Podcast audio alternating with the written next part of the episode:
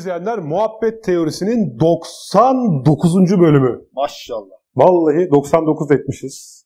Yüze şurada bir var. Bir var. Ee, bir bölüm kala 99'da e, karşınızdayız. Keşke bu sahne etkinliğimiz yüze denk gelseydi. Ne önemi olacaktı? Pek bir önemi de olmayacaktı. Ne? Sayıların anlamına inanmayan insanlar olarak. Yine stüdyo konuklarımız e, buradalar. Bugün e, sabah da ben konuştum yani bu programdan önce. Şimdi burada da konuşacağım. Akşam da CNN Türk'te canlı yayınım var. Sesim kısılmasın diye bugün topu daha çok ben Kaan'a bırakacağım. Evet bugünkü konumuz e, yaz saati kış saati mevzu olacak. Bu konu hakkında bize Işıl Arıcan fikri verdi.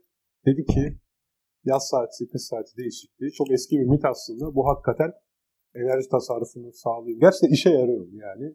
Mala da vara faydası var mı? Sorusunu irdeleyeceğiz bugün.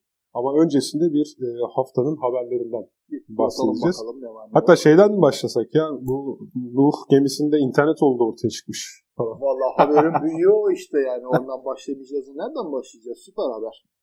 Evet ilginç bir iddiada bulundu. Bir yardımcı doçent üstelik gemi e, Deniz Bilimleri Ha, Deniz Fakültesi'nde Bilimleri Fakültesi'nde kimyager, kimya doktorası olan e, bir yardımcı doçent İstanbul Üniversitesi'nde. Ne yazdı? Bir kitap yazmış galiba değil mi? Yeni mi yazdı bilmiyorum ama habere yeni çıktı haliyle. Evet, yeni işte meşhur Nuh'un oldu. gemisinin sırları gibi. Kaç yıl araştırdım diyor? 6 yıl mı öyle bir şey. Nereden araştırdı bilmiyorum. Yani bunun kaynağı Nuh'un gemisinin kaynağı nerede? Yazıt mı var, tablet mi var, ne okudu? Ondan haberim yok. Değil mi? Araştırırım diyorsa işte araştırmış demek ki. Araştırmaların sonucunda da Nuh'un e, cep telefonuyla oğluyla konuştuğunu söylemiş. İnternetinin bulunduğunu söylemiş. Televizyon olduğunu Televizyon söylemiş. olduğunu. Geminin Ve- çelikten olduğunu söylemiş. Evet ve gemiye hayvanları maddeten değil her birinden birer yumurta falan alarak laboratuvarlara sipariş ederek yumurtaların getirildiğini ve konduğunu söylemiş. Hangi laboratuvarlar bilmiyorum artık kitabını herhalde okumak gerekecek bunun için. Öyle bir haber.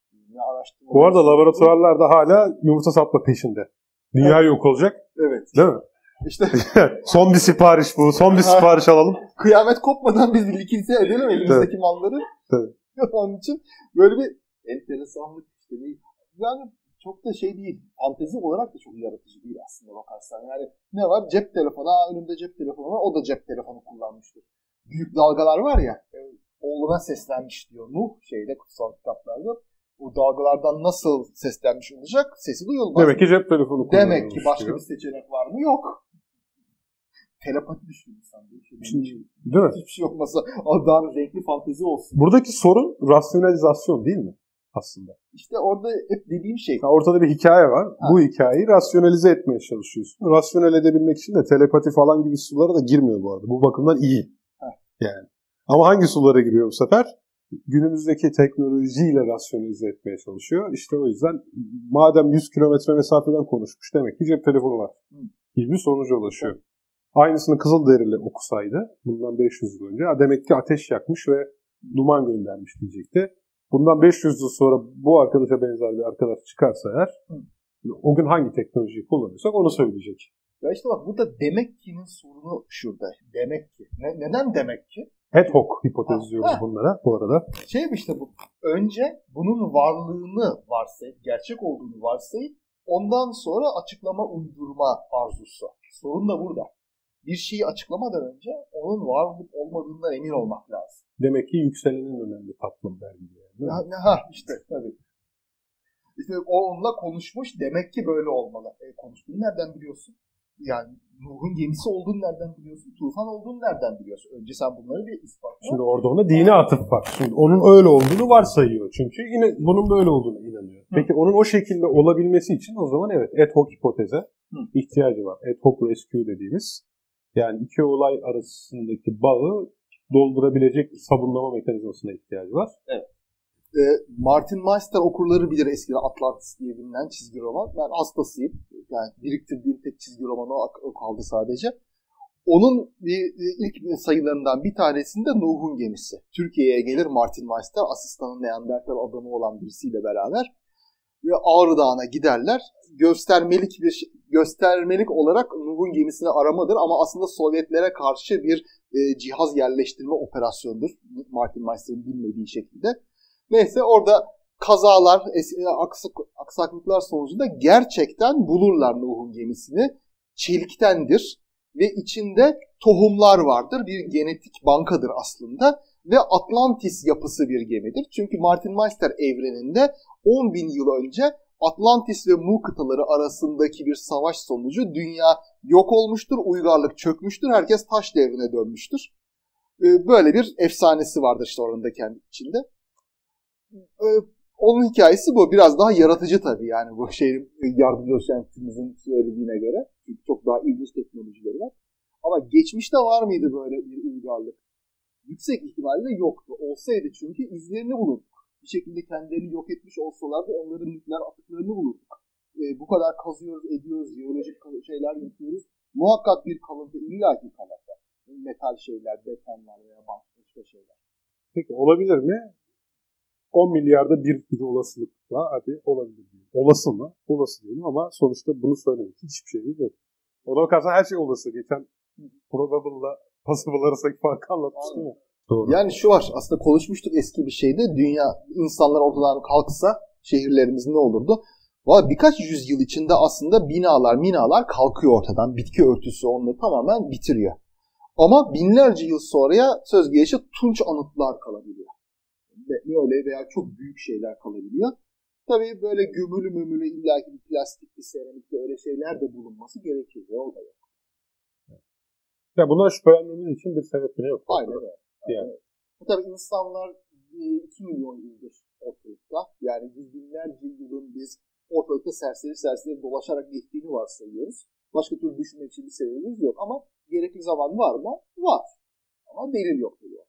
Yani evet. Ya da hani o kadar teknolojik gereksinime erişebilmiş bir toplumun en azından yazı gibi bilgileri kalıcı hale getirip birbirlerine başka bir platform aracılığıyla aktarabileceği bir şey çoktan keşfetmiş. Peki yani. Evet neyse bu üzerine konuşacak bir şey yok işte bir deli bir kuyuya taş attı. Peki yani medyanın buna ilgi göstermesi ya şu sıralar bak bizim programımızda da sürekli bir e, şarlatanlık meselesi, sürekli böyle şeyler artık daha çok prim verilmesi, bu insanların medyada daha görülür olması bizim de işte kenardan cılız bir sesle hayır canım böyle olur mu değil falan. Şimdi bu tabii Nuh konusundaki iddialar çok bariz.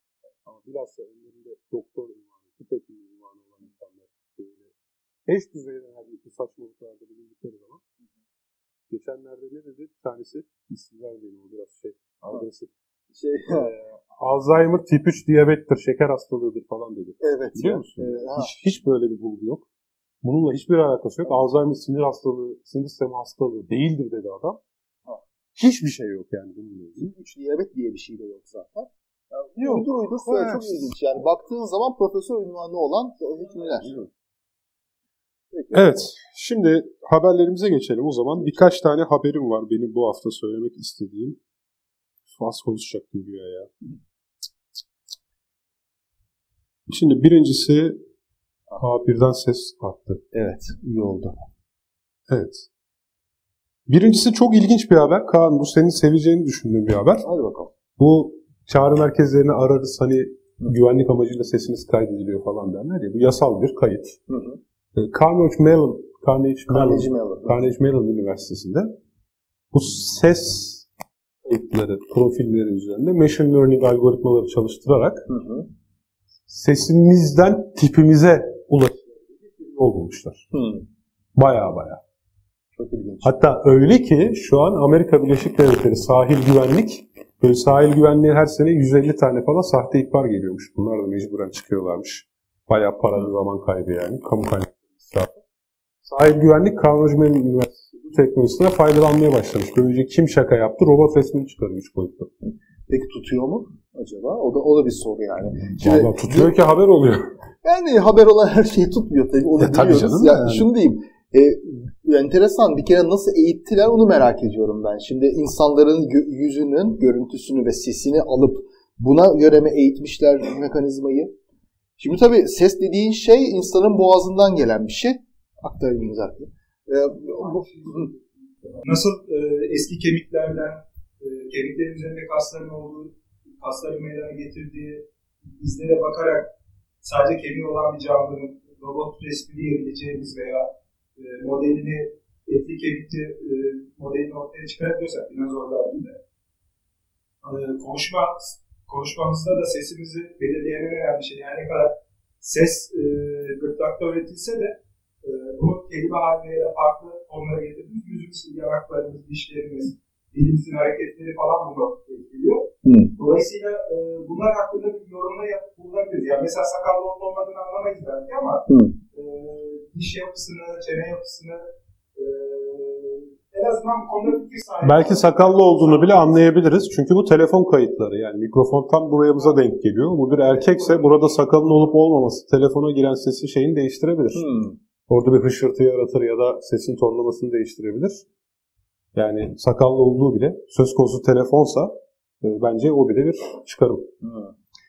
Haberde de diyor ki sesimiz, o anki ruh halimiz, sosyal statümüz, yaşımız, etnik kökenimiz, kilomuz, boyumuz ve yüz e, özelliklerimiz konusunda e, ve hatta o anki çevremiz konusunda çok önemli. Bizim sesimiz o anki çevremiz konusunda çok önemli bilgiler sunabiliyormuş. Çok Dediğim gibi sesimiz yani. neredeyse DNA ya da parmak izi gibi hakkımızda epey e, fikir veriyormuş ve şu an işte Amerikan sahil güvenliği de bu teknolojiyi kullanıyor. Hayırlısı bakalım. Daha neler Ya bu çok enteresan değil mi ya? Enteresan ve ürkütücü de bir de yani. Yani garip bir şey. Hiç seni görmeyen birisinin yüzünü böyle tekrar inşa edebildiğini sadece sesinden. Bence ama işte robot resim düzeyindedir ya. Öyle tam değil. Tam değildir. Mümkün değil tabii. Yani yine bir gözlerle. Yani en azından yanakları şişkin bir adam bu. Hani yüzü hafif toplu.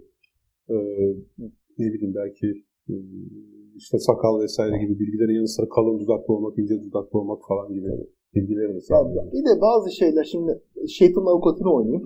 Böyle basın bültenleri, üniversitelerin basın bültenleri biraz abartılı da olabiliyor. Biz böyle büyük bir şey yaptık falan gibi. Mesela şey vardı MIT'nin duvarların arkasından konuşmaları algılayan lazer sistemi falan gibi. Ama son derece basit şeyleri ancak algılayabiliyoruz aktarılan titreşimle. Bu da belki onun gibi.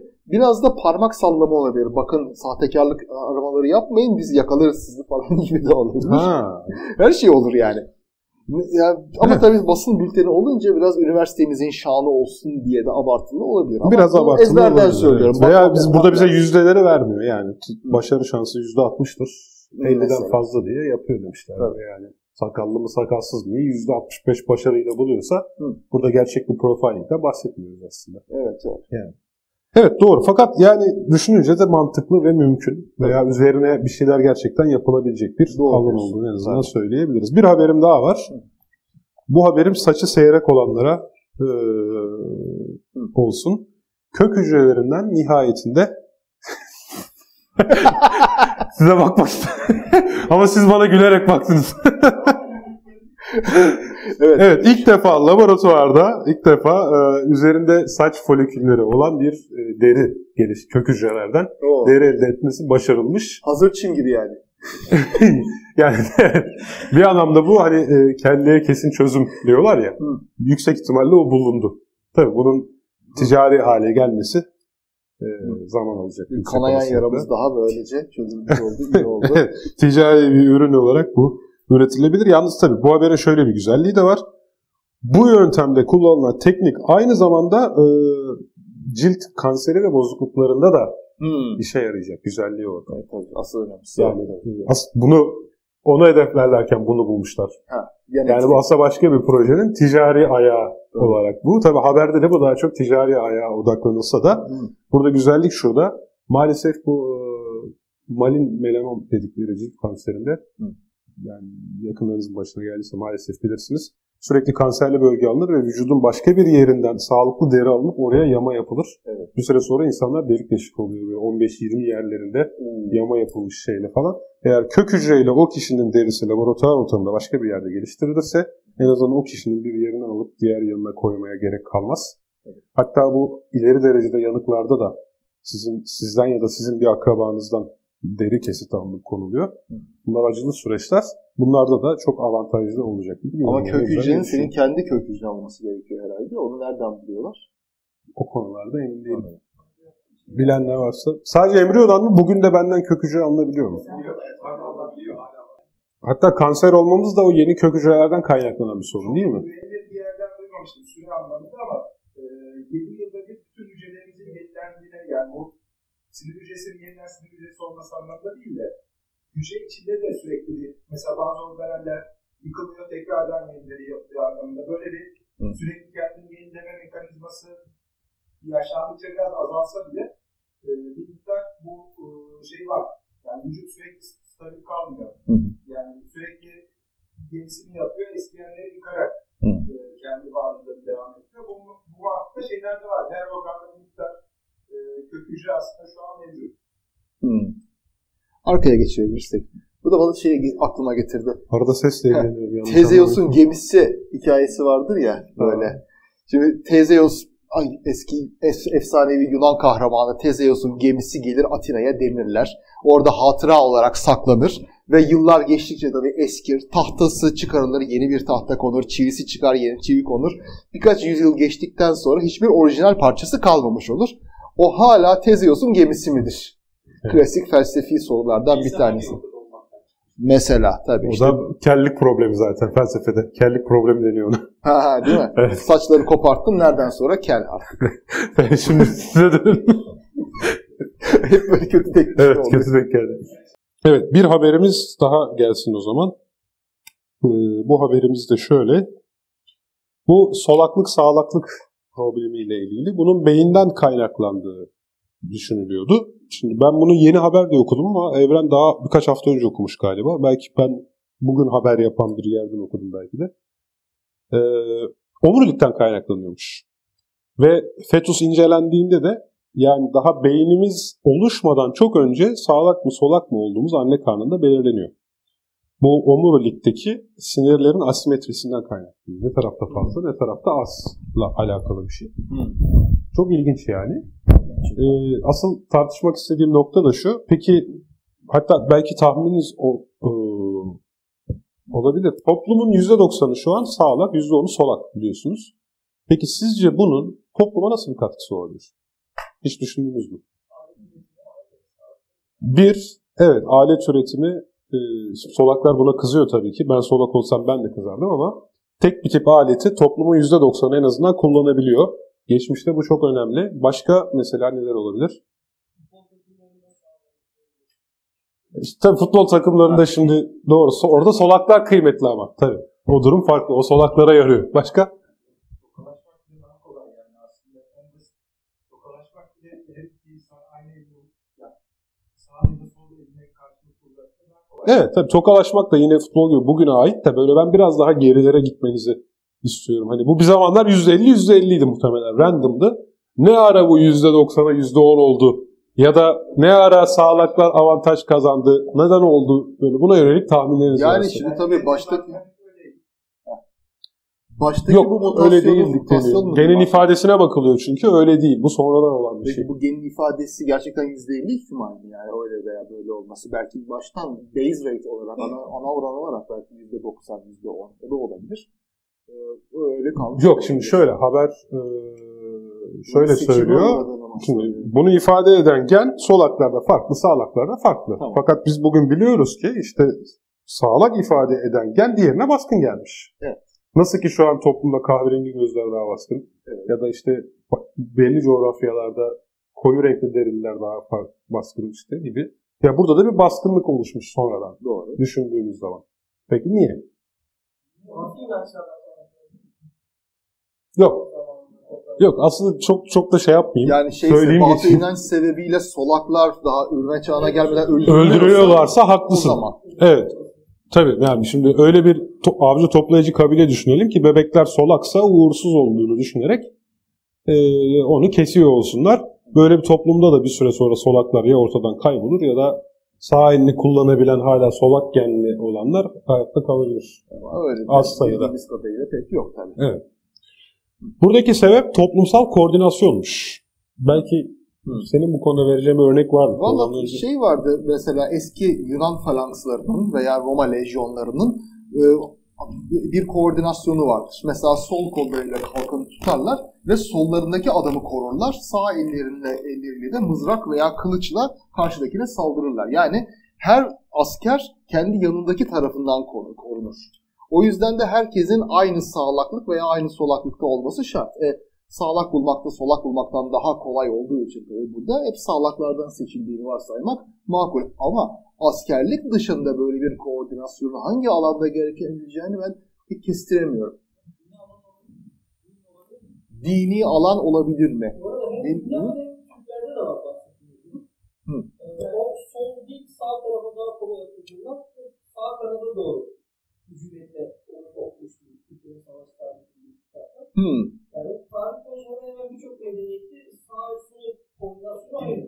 Ama burada varmaya çalıştığımız nokta neden e, sağlaklar daha, o, dönemde mi sağlaklar daha? Önemli olan sağ değil de neden bir tarafın daha artması ve bunun topluma nasıl bir katkısı olacak? Yani tam tersi de olabilir bu tesadüfi. bu dönemde de aynı, solu Tabii. sağ, kötü Şimdi dini olay mesela orada tabii mesela solaklık biraz lanetlenmiş gibidir. Bizde Az sayıda oldukları için bence. Yani. Yok, Çok, sol- çoğu lanetlemek kolay değil. Döverler adamı. Sol biraz kötü gibidir. Ee, sağ böyle iyidir. Yani Türkçede de var. Sağ olmak, sağ esen olmakla sağ bir bağlaştırılmıştır. E, Latince'de Solundan kalkmak. Latince'de falan. sol sinistre yani kötülük yani sinsilik kötülük anlamındadır. Ee, sağ dexter ise beceriklilikle aynı anlamdadır. Bugünkü İngilizce ve diğer batı dillerinde de o vardır. Sağ becerikli, sol kötü Yunanca'da da Dexia sağ bak. mesela. E şimdi e, bir yandan bunun temizlikle falan da ilgisi var eski temizlikte. Yani doğu toplumlarında biliyoruz işte temizlenmek için sol el, yemek yemek için sağ el kullanılır. O yüzden de ikisinin karışmaması önemlidir. Ama başka toplumlarda da aynı şey vardı bilmiyorum aynı konu. Şimdi bence bunlar hep çoğunluğa göre belirlenmiş. Biraz öyle doğru. Yani sağ erkil bir toplum. Evet. Yani Düşününce. Ve bu tamamen azınlığın solaklar olmasından kaynaklı bir şey bence. Yani çoğunluğu solak. Belki solaklar eş bulmakta zorlanıyor olabilirler bu sebepten. O yüzden de biraz azalmış olabilirler. Ya belki tabii yani sonuç itibariyle onların lanetli olduğuna inanıyorsan lanetli eş seven az insan vardır herhalde yani. Daha sağlık olsun bizim olsun falan mantığıyla. Bir de gerçekten de temel orana bakmak lazım. Temel oran %90 yakınsa zaten yani neden seçiliyor falan demenin de çok manası yok. Seçilmemiş. Öyle bir etkisi olmadığı için öyle kalmış olabilir. Neyse bu mevzuyu belki daha sonra detaylı bir bölüm ayırmak suretiyle yeniden inceleriz. Evet sağlam, solak. Güzel tabii. Evet ilginç bir konu olabilir. O zaman biz artık bugünkü asıl konumuza Evet. geçebiliriz değil mi? Geçebiliriz. Şimdi bu konumuz nereden çıktı? Önce onu söyleyelim. Geçen Işıl'la Hı hı. yılbaşı programı yaptığımızda ya programdan önce ya programdan sonra kendi aramızda sohbet ederken bu konu yaz saati muhabbetine geldi. Oradan çıktı. Işıl- Yaz Işıl saati, bize-. Bazı makaleler okuduk, okuduğunu ve bu yaz saati, kış saatinin saçma sapan bir mite dayandığını, hiçbir şey sağlamadığını falan söyledi. Biz Allah Allah ya gerçekten elektrik tasarrufu sağlamıyor mu falan filan diye Aslında böyle şöyle- itiraz ederken falan biz bu konuyu biraz derinlemesine araştıralım dedik. Başlangıçta aslında mantıksız değilmiş. Şimdi bunun kökü yani ilk ortaya atanlar falan bahsetmiyorum da başlaması Birinci Dünya Savaşı'na dayanıyor. O zamanlar tabii ortalıkta var böyle bir yazın böyle güneş ışığından faydalanmak için biraz kaydıralım falan gibi bir teklifler olmuş 19. yüzyıl sonunda. Almanya Birinci Dünya Savaşı içinde artık iyice böyle kemer sıkarken buna başlamış. Ve o zaman belki şunu söylemek lazım. Zaten sanayi top, toplumundan önce bunun hiçbir anlamı yok. Köylü dediğimiz kişi, Tabii. yani tarım ve hayvancılık yapan kişi güneşin doğumuyla gün başlar, gün batımıyla gün biter. Bunun öyle saat saat neymiş, saat mesai saatiymiş vesaire gibi yok. Kışın gün uzunsa çalışma saati de uzun.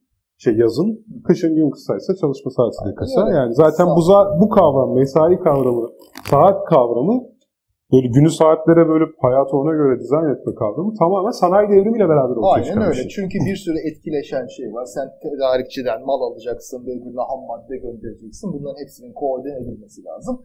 Neye göre koordine ediyorsun? Saate göre tabii. İşte trenler gidiyor. Trenlerin hepsinin aynı saate göre gitmesi lazım. Bunlar önemli. İletişim falan. Telgraf da biraz o yüzden çıkmış ama bu konuyu dağıtmayalım. Evet sonra da işte nispeten yeni çıkan bir şey.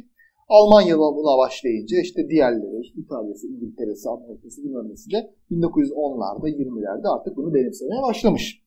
Şimdi ilk başta gerçekten bir tasarruf sağlıyor. Orada tabii enerji üretimi kömüre falan dayalı o zamanlarda. Aydınlanma muma dayalı. Muma dayalı. O açıdan bir faydası oluyor gerçekten. Şimdi yaz saatinin olayı ne? hepimiz işte biliyoruz. Benim hep kafam karışır bunda biliyor musun? Ben böyle ne zaman ileri alıyoruz, ne zaman geri alıyoruz hiç öğrenememişim de bu yaşıma kadar. Çok acayip. Bir aptallaştığım bir nokta bu. Boş piksel var sonra. Ben de, ben de ithalatla ihracatla hep karıştırıyorum. abi. Bir türlü öğrenemiyorum. Şey, İngilizce'de güzel bir deyim var o işe yarıyor. Spring forward, fall backward diyorlar. Fall, fall Çok anladım. Dur. Spring yaz, e, e, bahar. Forward işte ileri atlama diye bir kelime oyunu. Spring forward. Yani bahar geldiği zaman da ileriye alıyorsun saati. Fall back de geriye çekilme deyimi kalıp olarak. E, Sonbahar geldiğinde de geri alıyorsun gibi.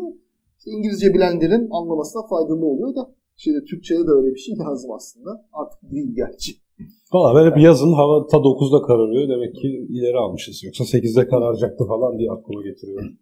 Yani yazın saati ileri aldığında işte normalde aydınlıkta uyanırken karanlıkta uyanıyorsun.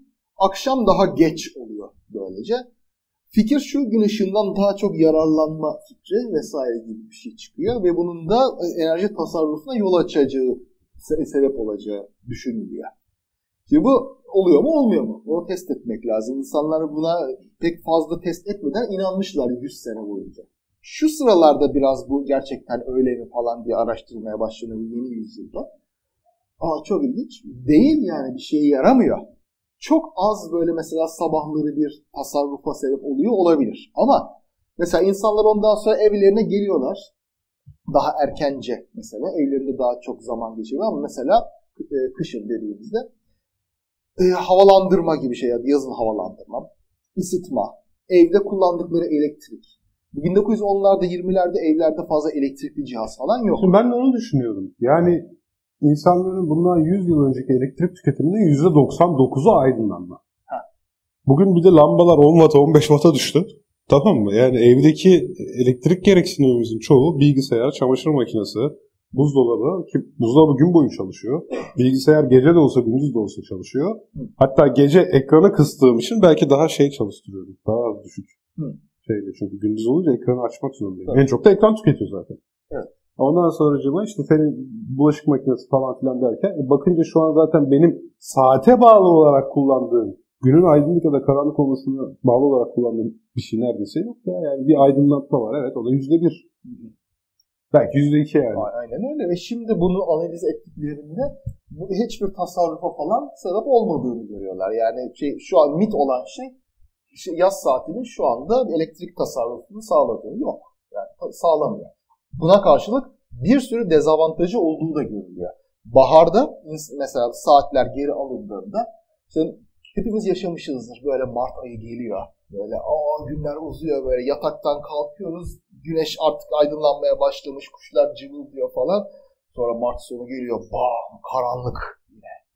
Allah kahretsin diye. Yani şahsen beni çok rahatsız eden bir şey. Akşam başka- mutlu oluyordun ama onda da yani çocukken bilhassa öyle akşam geliyorsun dışarıda öğrencisin Ha. ilkokulda eve gelmişsin ama dışarıda oynamak için 3 saat daha var. Ha. Muazzam. yani. Ama işte o olana kadar Mayıs'ın falan gelmesi lazım biraz. Yani Mart'ta rahat et olmuyor. Neyse öğrencisin nasıl sana dokunan bir şey yok. E. Öğrenciyken öyle sabahçıyken? Öğrenciyken de öğrenci iken de güzel. Çok bir şeyim yok. Gerçi sabah kalkmak değil de. İşte o bunaltıcı bir şey tabii o. Bunun da ciddi hem sağlık hem de emniyet etkileri oluyormuş. Şimdi bazı araştırmalara göre bu saat dönümünde baharda kalp krizi, kalp hastalıkları diyelim e, oranı artıyor. Mesela ne zaman göre? iki hafta öncesine ve iki hafta sonrasına göre bu saat dönümünde kalp rahatsızlıkları, kalp sebebiyle hastaneye kaldırılma gibi şeyler artıyor. Bunu Bu- sadece saate bağlayabilir miyiz peki? Yani sonuçta mevsimsel bir değişim de yaşanıyor. Belki hiç saat değiştirmesek bile bu ortaya çıkar. Tam da o zamana mı denk geliyor yani? Tam o haftaya denk geliyor. Şimdi bu da Zaten tekrarlanmış saat şey. değiştirmeyi de çok özel bir zamanı seçmiyor muyuz her seferinde? O kadar da değil. Yani e, yavaş yavaş tedricen olan bir değişim bu güneşin değişimi. Ama biz bir anda bir saatlik bir karanlık ekliyoruz ve Peki o araştırmada şuna da bakılmış mı? Değiş, aynı ülke değiştirmediği zaman da o kalp krizi riski bu sefer değiştirmeseydi artmayacak mıydı diye bakılmış mı yani? Negatif duruma bakılmış mı? Vallahi çok iyi soru. O kadarını incelemedim. İncelemek lazım gerçekten. Ama karşılaştırmalı olarak mesela e, yaz saati uygulayan ve uygulamayan yerlerde veya yaz saati uygulamaya başlamış eyaletlerde Amerika'da bu karşılaştırmalar yapıldığında da benzer etkiler görülüyor. Ha, Bu karşı. tek bir ar- araştırma değil zaten. E, Nor- Norveç'te, Finlandiya'da, Amerika'da ayrı ayrı yapılarak elde edilmiş bir şey. Mikrofona bağlantı olarak uyku eksikliği öne sürülüyor. Şimdi uyku eksikliğinin kalp rahatsızlıklarını tetikleyici etkisi olduğu e, kabul ediliyor genel olarak. Ve Ben Saat- yakında kesin. kesin. aman dikkat et sen bize lazımsın. Vallahi. Şeyde de işte e, saat dön- dönüşümü olduğunda e, uyku eksikliği başlıyor biraz. İnsanlar eskisi kadar rahat rahat uyuyamıyor. Uyuyamaz oldukları için öyle bir rahatsızlık başlıyor. Tabii bunlar sınırdaki insanlar için geçerli. Tamam, ben de onu diyecektim. Zaten- Yoksa işte jet lag olan bir sürü pilot, iş adamı vesaire veya güvenlik görevlilerinin çoğu iki gece, iki gündüz, iki off şeklinde çalışıyorlar. Yani tabii o İki var- gündüz çalışıyor, iki gece çalışıyor, iki tam gün tatil. vardiya sisteminin zaten bayağı kötü olduğu da biliniyor. Yani insanın sirkadiyen ritmini bozmak çok iyi bir şey değil. Vardiya sistemi zaten sağlığa zararlı. Gençlikten kurtarıyorlardır muhtemelen. Hı. Ama çok gerçekten rahatsız edici bir şey. Bir de dikkat toplama zorluğu da oluyor. İnsanlar Hı, o açıdan da sorunu yaşıyorlar. Sen böyle. o açıdan e, birçok sakıncası şu anda görülüyor. Bir faydası da olmadığı için artık değiştirelim gibi birçok şey söyleniyor ama ne kadar başarılı olur onu bilemiyoruz. Şey gibi evet, AKP sponsorluğundaki programımızı Dur ona da geleceğiz, ona da geleceğiz. Dur. Şey, mikrofonu aktarabilirsek. mikrofonu arkaya alabilir misin? Şey. Süper olur değil mi ya? Sonra sıkıntı olur abi. bir sene sonra artık Vanuatu saatine göre yaşamaya başlarız. Evet, koca saati değiştirmek yerine me- mesai saatlerini değiştirmek. Okullar da öyle olurdu. Eskiden okul saatleri de değişirdi. Yaz saati, kış saatiyle beraber. Bir yarım saat artı eksi işte bir yöne hareket Şimdi, ederdi. şimdi tabii şu da var. Ee, Amerika'da özellikle e, kapitalist ülke olduğu için söylüyorum. Bu yaz saatini savunmalarının önemli bir sebebi de ticari. Şimdi insanlar işten çıktıkları zaman önlerinde birazcık daha fazla gün ışığı olduğunda gecenin karanlığı biraz daha geç çöktüğünde biraz gezmeye, tozmaya, biraz restorana gitmeye, para harcamaya falan eğilimli oluyorlar. O açıdan bir karlılık getiriyor ticari olarak. Bir Ama bunu söyleyemeyiz olarak. şey yani bu savunma nedenleri bu değil. Bu bir sonuç. E, sonuçta bilmiyorum ya bir direni, direncin e, katkılarından biri de olabilir tabii bu açıdan. Çünkü tersi olsaydı şöyle bir spekülasyon da söyleyebilirim. Erken çöküyor hava herkes bara gidiyor gece olduğu için. Gece kulüpleri bununla seviniyor falan. Yani ne bileyim. Yani, yani şey bütün saatleri ileri almak böyle bir şey sağlamazdı ama işte pardon, mesai saatlerini kaydırmak böyle bir şey sağlamazdı. Saat değişikliği. Gerçi şimdi konu Türkiye olunca ben de benzer bir şey söyleyeceğim. Hani burada enerji şirketlerinin bundan çıkarı oldu ve bu yüzden bu politikaya yönelik bir Ha. kulis yaptığı iddia ediliyor mesela. Valla olabilir de. Şimdi şu var. e, yaz saati uygulamasının yanlış olduğuna ben kaniyim. Pek çok insan da aynı fikirde. E, o açıdan değişiklik olmaması olumlu. Ama bunun yolu yıl boyu yaz saati uygulamak değil. Bu en yanlış şey oldu. Ha, şimdi şöyle toparlayalım. Ki sponsor olma, sponsorluğumuz olmadığı da anlaşılsın. Aman. Şimdi evet böyle 6 ayda bir saat değiştirmek saçma. Yani araştırmalar da onu gösteriyor. Evet. Üstelik ekonomiye de bir katkısı yok. İşte insanların sağlığına da zararlı. Yani açıkçası böyle bir değişime gerek yok. Bundan 100 yıl önce belki anlamlı ve gerekliydi ama bugün elektrik tüketim alışkanlıklarına bakarsak enerji tasarrufu yaptığı falan da yok. Yok. Peki. O zaman değiştirmemek güzeldi. Fakat biz, biz biz şu an değiştirmeyerek doğru bir karar mı alıyoruz? Yani şu an Türkiye sabit saat uygulamasında Sabit saat uygulamasının doğru olduğunu düşünüyorum. Sabit yaz saatinin çok yanlış olduğunu düşünüyorum. Şimdi her ülkenin belirlemesi gereken bir zaman bölgesi var. Bunu neye göre belirlersin? Şimdi insanların fizyolojik ve psikolojik ihtiyaçlarına göre. İşte fizyolojik ihtiyacımız uyanma, işte sirkadyen ritmimiz her canlı gibi güneşe göre belirlenmiş. Güneş ışığı ortaya çıktığında uykumuzu alıyoruz. Vücudumuz artık kendini toparlamaya başlıyor. Uyanıyor, dinç ve zinde oluyor. Ama biz şimdi ne yapıyoruz? E, Zifiri karanlıkta uyanıyoruz. O uykululuk halinde yollara düşüyoruz. Ve iş yerimize ulaştığımızda daha güneş yeni yeni doğmaya başlıyor. Yeni aydınlanmaya başlıyor. Aralık ayı falan gibi diye düşünürsek. Bu olağanüstü sakıncalı bir şey. Bu şimdi dikkat eksikliği problemlerine yol açıyor. Depresyona yol açıyor. Kazalara yol açabiliyor. emniyet demiştin az önce zaten. Tabii. Böyle bir şey demiştin. Ha Yani tabii, ha tabii. onu Böyle zamanlarda kazaların arttığına yönelik bulgular Evet. da var değil mi? Çünkü uyku eksikliği. işte insanlar karanlıkta uyan. Şimdi eskiden bir iki yıl öncesine kadar tamam yine saat 7'de yola düşüyorduk. Aydınlanmamış oluyordu hava. Ama 7.30'da aydınlanıyordu. Yani servise bindiğimizde işte E5'in temin üzerinde gün doğuşunu seyrediyorduk. E işe gidene kadar böyle biraz ayılmış oluyorduk. Bir çay içip kendimize geliyorduk. Şimdi o da mümkün değil. 8.30'da ancak. Bu ciddi bir iş gücü kaybı demek oluyor ve enerji israfı da demek oluyor. Çünkü sen bu yola düştüğünde evinde aşırı ışık yakıyorsun, iş yerinde ışık yakıyorsun, başka enerjileri tüketiyorsun. O yüzden de bu e, tamamen Yok enerji tüketiminin arttığı O belgelerle ortaya yani konuyor. şeyde, elektrik mühendisleri Ama zaten amacın bu olduğu iddiası var. Hani bu bir iddia olarak. Yani olabilir, olmaz diyemiyoruz. Çünkü bu kararlar böyle değil, halka danışarak, her türlü ayrıntı halkla paylaşılarak falan alınmıyor. E, Çok ilginç bir şekilde birileri böyle olsun diyor. Nedeni belirsiz. Arka planda ne tartışmalar döndüğünden haberimiz yok. Bu yapılıveriyor ve bizim de buna uymamız bekleniyor. Evet oysa politika rasyonel yapılmalı. Burada böyle bir şey olmadığını görüyoruz işte. bu durumda. Halkın Yani o zaman şöyle bir karar olsa sen desteklersin anladığım kadarıyla. Yani hep GMT artı 2'de kalma ve bundan sonra hiç değiştirmeme gibi bir karar mantıklı görünüyor. Kesinlikle. Tabii şimdi Bakın Erzurum'da Ağrı'da yaşayanlar bundan çok hoşlanmayacaklar. Ha. Çünkü bizde de burada saat 3'te hava kararıyor diyorlar. Amerika'da kıtası, Amerika Birleşik Devletleri boyunca 5 ayrı saat dilimi var Dört. değil mi? 4 ayrı saat dilimi var. Çünkü çok geniş. Aslında bizim ülkemiz de 2 ayrı saat dilimini kaldıracak boyutta neredeyse. Evet, bana değil mi? geliyor. Evet. evet. Evet.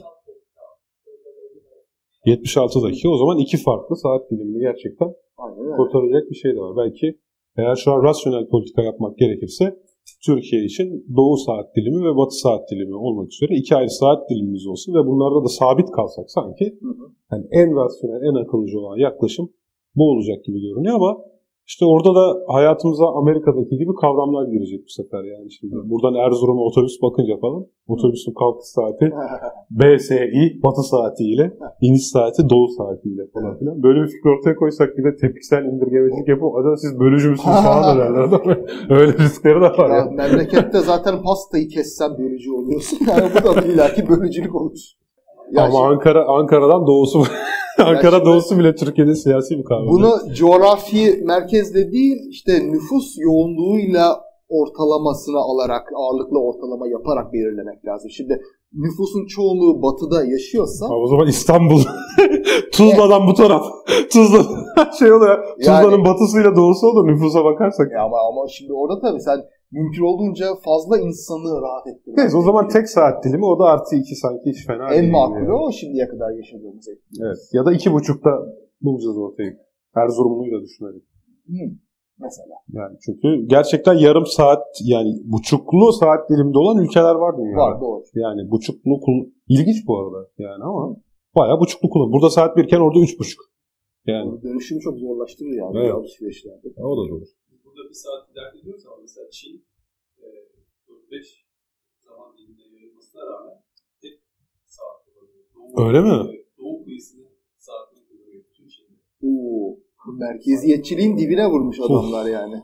Mesai saatleri de Herhalde öyle. Ya şu var yüksek olasılıkla bu zaten e, şey zamansal koordinasyon avantajı sağlamak için falan giriyorlar. Yani ülkenin tamamında mesai aynı saatte başlıyor. Eğer ülkeye dört farklı saat dilimi koyarsan bir ülkenin en doğusu öğle yemeği arası verdiğin yani burası mesaiye başladığında en batısı da doğudaki öğle yemeği arası vermiş olacak.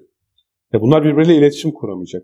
Hani bu özellikle uluslararası firmalarda çalışanlar varsa aranızda e, bu hep problemdir. Bir şey yaptıracaksın. Senin malın üreticisi Amerika'da. Daha orada mesai başlamamış. Orada mesai başladığında burada 5 olacak.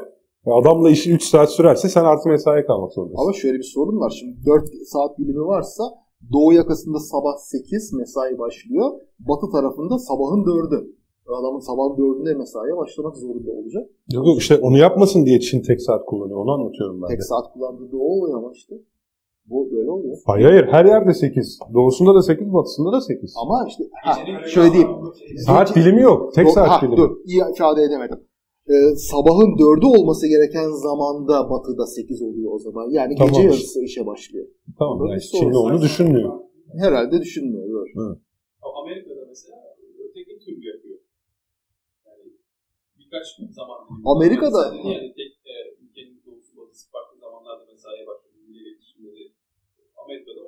Evet Amerika'da tabii. arkaya aktarabilirsin. Amerika'da hatta bu county seviyesinde yani eyaletlerin alt birimi seviyesinde karar verilebilen bir şey. Yani isterse bir eyaletin içinde bir county benim saat dilimim işte Pasifik diyebilir Massachusetts'teki Allah adam ama, Allah.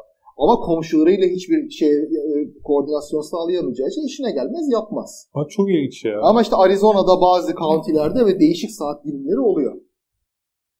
Tabii şu da var. Şu andaki saat dilimi Türkiye'nin de doğusundaki bir boylama en uygun. Yani Türkiye'nin de dışına çıkmış Evet, durumda. şu an kendimize ait olmayan bir saat dilimini kullanıyoruz. Ben de onu onu diyecektim zaten. Şimdi Türkiye'nin e, meridyenlerine baktığımız zaman 26. meridyenle başlar. Doğu meridyeni 45. meridyenle biter. E, artı 3 45. meridyene denk geliyor. Yani Türkiye'nin en, En doğu noktası yani. Aynen. Ama e, artı 2 meridiyeni 30. meridyene denk geliyor. O da Türkiye e, İzmit'e denk geliyor. Türkiye'nin merkezi e, merkezine daha yakın.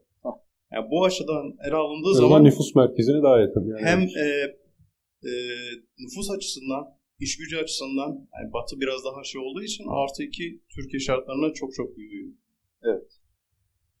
Evet kısacası buradan Enerji Bakanlığı'na çağrı yapıyoruz dermişim. bir an önce artı 2'de sabitleyin lütfen bizi diyelim. Evet. Bilmez öyle olur. Evet Tamam. bir saatimiz geçmiş. Evet, güzel bir şekilde. Ee, teşekkürler. ben teşekkür Beni az ederim. konuşturdun bugün. Daha çok sen konuştun. Sesin bir yerine geldi. Vallahi keşke daha çok konuşturabilsin. Az konuşturabilsin. Neyse artık boş. Anladım ben anladım. Evet, İyi niyetlisin peki. evet tüm dinleyicilerimize de çok çok teşekkür ediyoruz katkıları için. Bir e, canlı programımız daha sona erdi. DOM sponsorluğunda e, yine geçtiğimiz ay bizlere Patreon'dan ücretli abonelikle katkıda bulunan tüm e, destekçilerimize de buradan teşekkür ediyoruz. E, bir süredir yeni isim katılmadığı için isim saymıyoruz. E, katılırsa sayarız. En azından bir yerlerde ilan ederiz. Çok çok teşekkürler. Geldiğiniz için sizlere de teşekkür ederiz. Haftaya Haftaya 100. programımızda 100 bakalım. görüşmek dileğiyle. 100 için güzel bir şeyler yapalım Bir ya. şey düşünelim. Şarkı vallahi. falan söyleyelim. E bir best of falan mı yapsak? Ne, yapsak? Ne yapsak öyle bir şeyler yapsak. Benim 100 şarkı- için fikirlerinizi bekliyoruz o zaman. Yüzden Bir- birden değiştik ya. Çok teşekkür ederiz geldiğiniz için. Bastı burada o canlı evden oluyor. Daha fazla bilgi edinmek isteyenler Tarihi Osmanlı Mecmuası'nın 3. cüzünün 1912. sayfasına bakabilirler efendim.